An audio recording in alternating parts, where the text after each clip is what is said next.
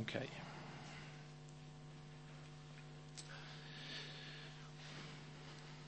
Jag läser, så häng med om du vill, en psalm av David. Herre, hör min bön. Lyssna till mitt rop, du som håller ord. Svara mig, du som är rättfärdig. Ställ inte din tjänare inför din domstol. Ingen människa kan få rätt mot dig. Fienden förföljer mig, han har krossat mig och låter mig bo i mörker och de sedan länge döda. Modet sviker mig, hjärtat förlamas i bröstet. Jag minns förgångna tider och tänker på allt du har gjort. Jag begrundar vad din hand förmått. Jag sträcker mina händer mot dig, öppna mig som törstig jord. Herre, skynda att svara mig. Jag orkar inte mer. Dölj inte ditt ansikte för mig. Då blir jag lik dem som lagts i graven. Låt mig var morgon möta din trofasthet, ty jag förtröstar på dig. Visa mig den väg jag ska gå, jag sätter mitt hopp till dig.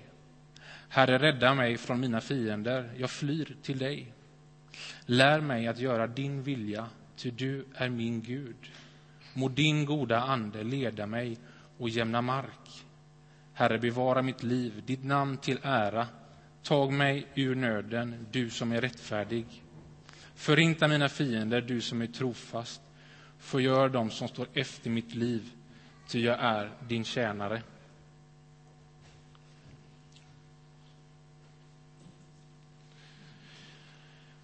Jag läser också från, eh, vilket du inte behöver slå upp, men du kan lyssna extra lite noga till, från Nya testamentet och från första Johannesbrevet kapitel 1 och vers 3, där det står så här. Det vi har sett och hört förkunnar vi, för att ni också ska vara med i vår gemenskap, som är en gemenskap med Fadern och hans son Jesus Kristus. Jag kör det en gång till. Det vi har sett och hört förkunnar vi för er, för att också ni ska vara med i vår gemenskap, som är i gemenskap med Fadern och hans son Jesus Kristus. Kristen tro kan lätt uppfattas som en religion eller en filosofi eller för den delen också en subkultur eller också en förening. Och även för en människa som bejakar kristen tro kan det vara eller bli en religion, en filosofi, kanske en subkultur eller så kanske det blir en förening. Och visst finns det drag av detta i kristen tro. Det tror jag. Det är inte helt oviktigt. Det går inte att komma ifrån. Jag tror inte det, ja, det går inte att komma ifrån. Men det är inte kärnan i kristen tro. Inte kärnan i en troende människas liv. Alltså utifrån, absolut, kan man fatta att kristen tro uppfattas som, beskrivs som en religion. Men för någon som tror på Jesus så tror jag det ska uppfattas som en gemenskap. Som en gemenskap. Och salmerna, det är böner, det är sånger som uttrycker människors tro mitt i deras liv. Deras gemenskap med Gud. Alltså salmerna uttrycker tro utifrån människornas, författarnas erfarenheter och upplevelser av livet i gemenskap med Gud. Bibeln innehåller Guds ord, men också människors ord till Gud. Och De här sångerna, de här bönerna som vi finner i Psaltaren är ställda till Gud, eller uttrycker sanningar om Gud. Och Saltaren har varit och är till hjälp för oss att uttrycka oss inför Gud och reflektera över Guds vägar. Det är ett redskap för kontakt mellan oss och Gud. Kontakt mellan oss och Gud. Och Saltaren är poesi. Och den hebreiska poesin riktar sig till förståndet genom hjärtat. Språket är känslomässigt, för det handlar om människors liv. För det handlar om människors tro och det handlar om människors gemenskap med Gud. Och språket i psalmerna är tänkt att väcka känslor mer än förnuftiga tankar och framkalla ett gensvar hos oss. Ett gensvar som sträcker sig bortom förståndsmässiga förståelse av viss fakta. Salmerna vill hjälpa oss till vägledning till gudstjänst. Som exempel på hur vi kan relatera till Gud på ett ärligt och uppriktigt sätt. Som att hjälp för att meditera över vad Gud redan har gjort för oss. Och bön, det kan vara en stilla viskning. Det kan vara en tanke i sitt inre, men det kan också vara ett rop. Och I sunda relationer så fungerar olika sätt att kommunicera. Vissa omständigheter kräver olika sätt att kommunicera. Gud, hör min bön, lyssna till mitt rop. Jesus berättar en liknelse om rättfärdighet med en farisé och en tullindrivare som huvudrollsinnehavare. Och det berättas att de var båda i templet för att be. Och farisén bad, jag tackar dig Gud för att jag inte är som andra människor, tjuvar eller bedragare och horkarar eller som tullindrivaren där. Jag fastar två gånger i veckan och lämnar tionde av allt jag köper.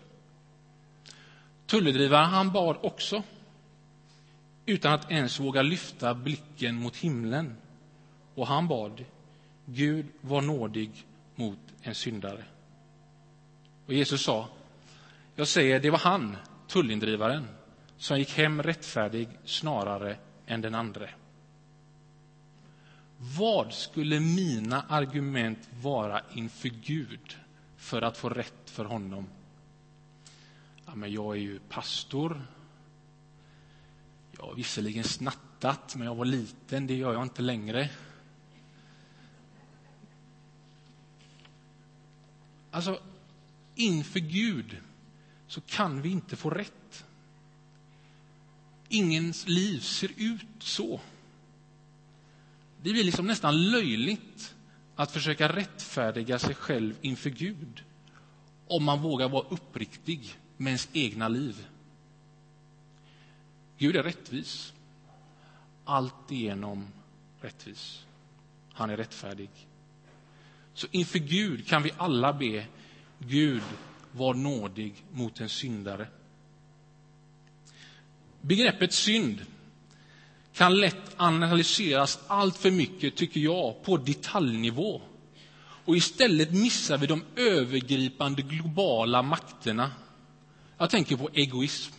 Jag tänker på maktbegär. Pengar, sex och makt korrumperar våra hjärtan. En värld som lider medan andra lever i överflöd. Vi gör val som är kortsiktigt bra för mig men som på sikt skapar orättvisa och elände. Vi jämför oss med andra. Vi rättfärdigar oss själva genom jämförelsen. Och synd blir ofta en ursäkt genom jämförelsen. Ah, men Mm. Men i en global värld är det väl någonsin mer, upp, eller liksom mer någonsin uppenbart att våra handlingar påverkar många fler än bara oss själva. Pengar och girighet styr. Och jag och vi är en del av det. Vår rikedom sker på bekostnad av någon annan. Så hjärtats bön Gud var nådig mot mig syndare är lika relevant för en mördare som för en fredagsmysande Svensson som jag. För överallt bryts människor ner. Av mina aktiva val, av mina, min passivitet. Det är syndens kraft. Och Psalmisten ber Gud om att rädda honom från sina fiender.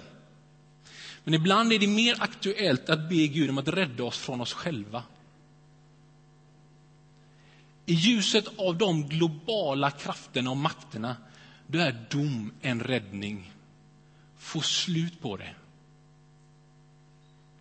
få slut på det. Men i det vill inte Gud döma.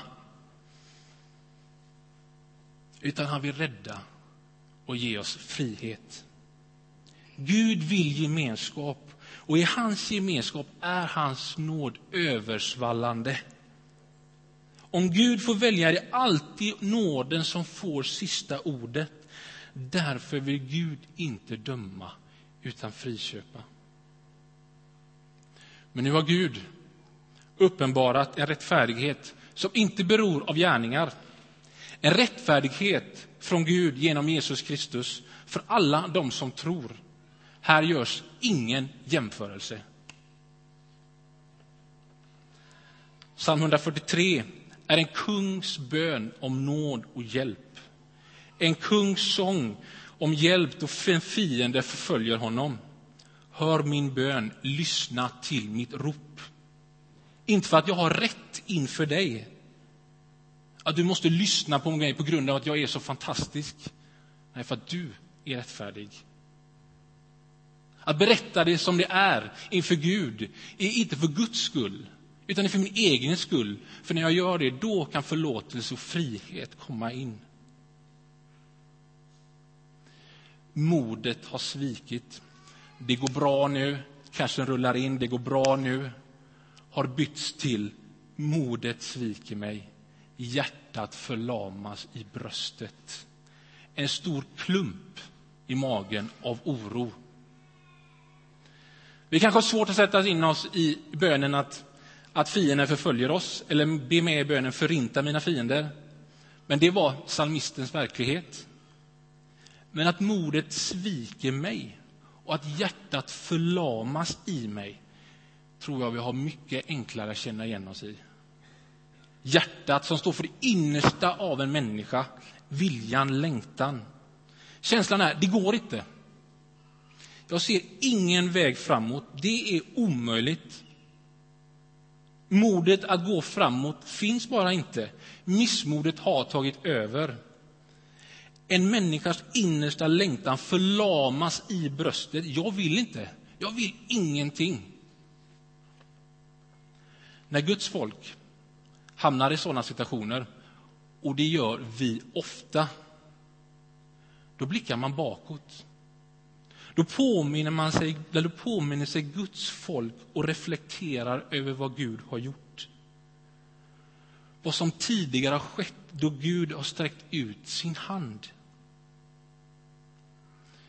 Gud har avslöjat sin makt i berättelsen om Guds folk, i Jesus och i kyrkan.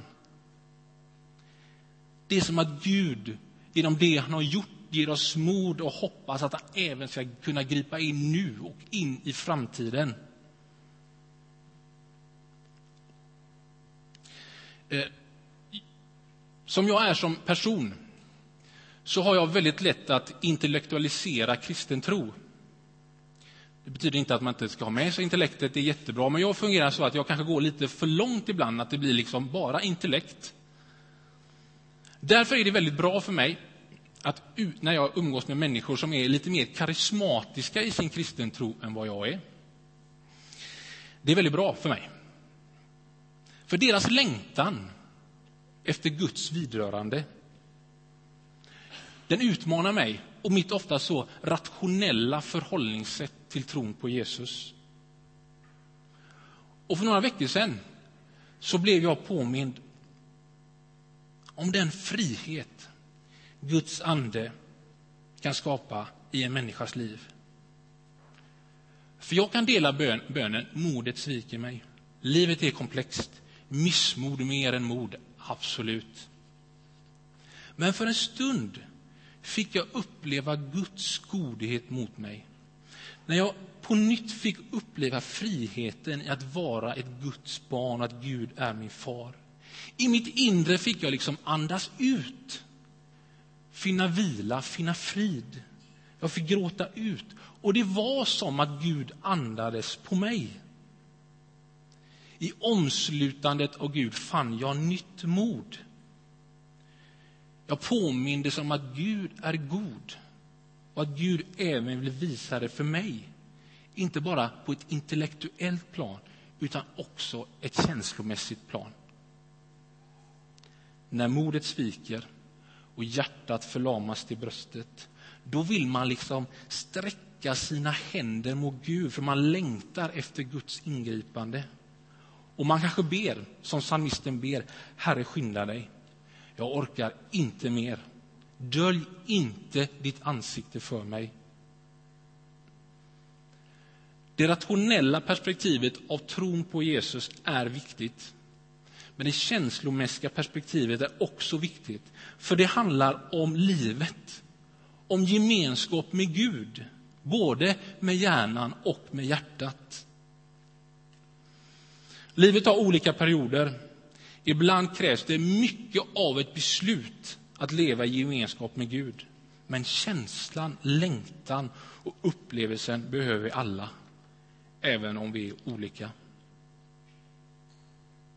Men oavsett vad för period man befinner sig i livet, oavsett hur omständigheterna ser ut, kan vi tillsammans be med psalmisten, psalmisten låt mig var morgon möta din trofasthet, ty jag förtröstar på dig. Visa mig den väg jag ska gå, jag sätter mitt hopp till dig. Gud är trofast. Alltså Gud håller det han har lovat. Och kanske det största som Gud har lovat och som Jesus sa, jag är med er alla dagar. Det är trofasthet. Någon som går med i allt och genom allt, det är trofasthet. Det är gemenskap och då byggs gemenskap i trofastheten. Och genom det Gud gjorde i Jesus så finns Guds tilltal till alla människor att kom och följ mig. Det är en stor inbjudan. Jag vill leva med dig, säger Gud. Jag, vill tro, jag tror på dig. Jag vill vara trofast mot dig varje morgon. Och Gud har gett oss ett, ett exempel hur Guds väg ser ut, vad som är Guds vilja. Så när vi ber, låt din vilja ske, kan vi alltid börja gå efter det exemplet. Och det exemplet är Jesus. Och vi kan hoppas på att Guds ande kommer leda oss. Jesus, kärlekens budbärare i ord och handling. Jesus som inte var ute efter dom utan räddning och nytt liv. Jesus vars ögon visade omsorg. Jesus som stod på de fattigas sida. Jesus som med sina händer lade dem på de sjuka och bad och de blev friska. Jesus med sina ord och med sin karaktär och med hans personlighet lyfte av bördor från människor som var tyngda. Jesus som bröt syndens makter med kärlekens och nådens kraft. Jesus som kallar oss att följa honom. Och tro på Gud är inte ett recept på framgång. Tro på Gud är inte feel good-piller. Det är inte klatschiga slogans för en livscoachning av dig själv. Det är inte ett antal dogmer som ska accepteras, utan det vi har sett och hört förkunnar vi för er, för att också ni ska med vara med i vår gemenskap, som är en gemenskap med Fadern och hans son Jesus Kristus. Till sist. Eh, för några veckor sedan så var jag på väg hem. Och så går jag lite så, tittar ner i backen, liksom går väl och tänker på något annat. Så lyfter jag blicken och så ser jag en person som, han känner jag igen. Men jag tittar ner igen, tittar upp igen, men han känner jag igen. Vem är det? Och då slår mig, jo men det är ju Mikael Stare. Och Mikael Stare, för som inte vet vem det är, han är tränare för IFK Göteborg. Ett fantastiskt fotbollslag. Ni har inte hört mig så prika så många gånger, men ungdomarna har typ bara hört fotbollsliknelser, så här kommer en till. Eh, men jag ser honom, och jag möter honom, liksom, och så tänker jag, och de hade precis förlorat med 5-1, vilket inte händer ofta, men det hade hänt. då. de hade förlorat med 5-1. Så jag känner, får en känsla, ja, men jag behöver säga någonting till honom. Jag ska ju säga någonting till Mikael Stare nu. Och det, det jag gör är att jag knyter näven, tittar han i ögonen och så säger jag kämpa. Och så går jag för min lilla backe upp till huset och så slår det mig, vad gjorde du nu? Så, va? Men när det går risigt, då måste vi sluta upp kring varandra. Nu är det väldigt stor skillnad på kyrka och fotbollslag, även om en del gör fotbollslaget till sin kyrka, men en annan sak. I kyrkan så behöver vi sluta upp, för det är vår, vår gemenskap som är en gemenskap med Fadern och hans son Jesus Kristus. Tillsammans lever vi i gemenskap med Fadern och med Jesus. Och vet ni, det har vänt för Blåvitt nu. Om inte jag minns helt fel här nu så har inte de förlorat sen jag sa mitt kämpa. Så jag väntar lite nu på någon analyserande sportjournalist ska komma bakom liksom och ställa frågorna vad var det som gjorde det? Jo, det var att kämpa. Äh, jag har inte storhetsvansinne, ni är lugna. Men, men, men en uppmuntran kan få betyda så mycket. Och kanske kommer Gud uppmuntra oss idag. Genom att när vi ber för varandra, när vi sjunger lovsången, när vi närmar oss honom, så kanske han dyker upp här på ett sätt som förvånar oss och visar sin godhet genom den heliga anden som får verka i oss. Det är ingenting jag lockar fram, det är ingen någon som kan locka fram det, utan det är Guds verk. Men helig ande kom. Så att vi upplever Guds godhet, upplever frihet och frid mitt i oron. Och vad livet kan göra med oss, lägga en tyngd i våra liv. Alla problem försvinner inte, men det blir som en uppmuntran av Guds frid, av Guds frihet, av hans godhet. Saltaren har varit och är till hjälp för oss att uttrycka oss inför Gud och reflektera över Guds vägar. Det är ett redskap för kontakt mellan oss och Gud. Salmisten och psalmerna hjälper oss till vägledning, till gudstjänst som ett exempel på hur vi kan relatera till Gud på ett ärligt och uppriktigt sätt. Som hjälp för att meditera över vad Gud redan har gjort för oss. Det blir en gemenskap med Gud genom tro mitt i livet, precis som livet är. Om du vill, så blunda dina ögon, eller blunda, eller sitt bara för den delen också, så läser jag psalm 143 igen. Och om du vill så kanske det är svårt att göra hela salmen till din bön, men välj då vissa verser. Herre, hör min bön. Lyssna till mitt rop, du som håller ord. Svara mig, du som är rättfärdig. Ställ inte din tjänare inför din domstol. Ingen människa kan få rätt mot dig. Fienden förföljer mig, han har krossat mig och låter mig bo i mörker, som det sedan länge döda. Modet sviker mig, Hjärtat förlamas i bröstet. Jag minns förgångna tider och tänker på allt du har gjort och jag begrundar vad din hand har förmått. Jag sträcker mina händer mot dig, öppnar mig som törstig jord. Herre, skynda att svara mig. Jag orkar inte mer. Dölj inte ditt ansikte för mig, då blir jag lik dem som har lagts i graven. Låt mig var morgon möta din trofasthet, ty jag förtröstar på dig. Visa mig den väg jag ska gå, jag sätter mitt hopp till dig. Herre, rädda mig från mina fiender, jag flyr till dig. Lär mig att göra din vilja, ty du är min Gud. Må din goda ande leda mig på jämn mark. Herre, bevara mitt liv, ditt namn till ära. Ta mig ur nöden, du som är rättfärdig. Förinta mina fiender, du som är trofast. Förgör dem som står efter mitt liv, ty jag är din tjänare. Amen.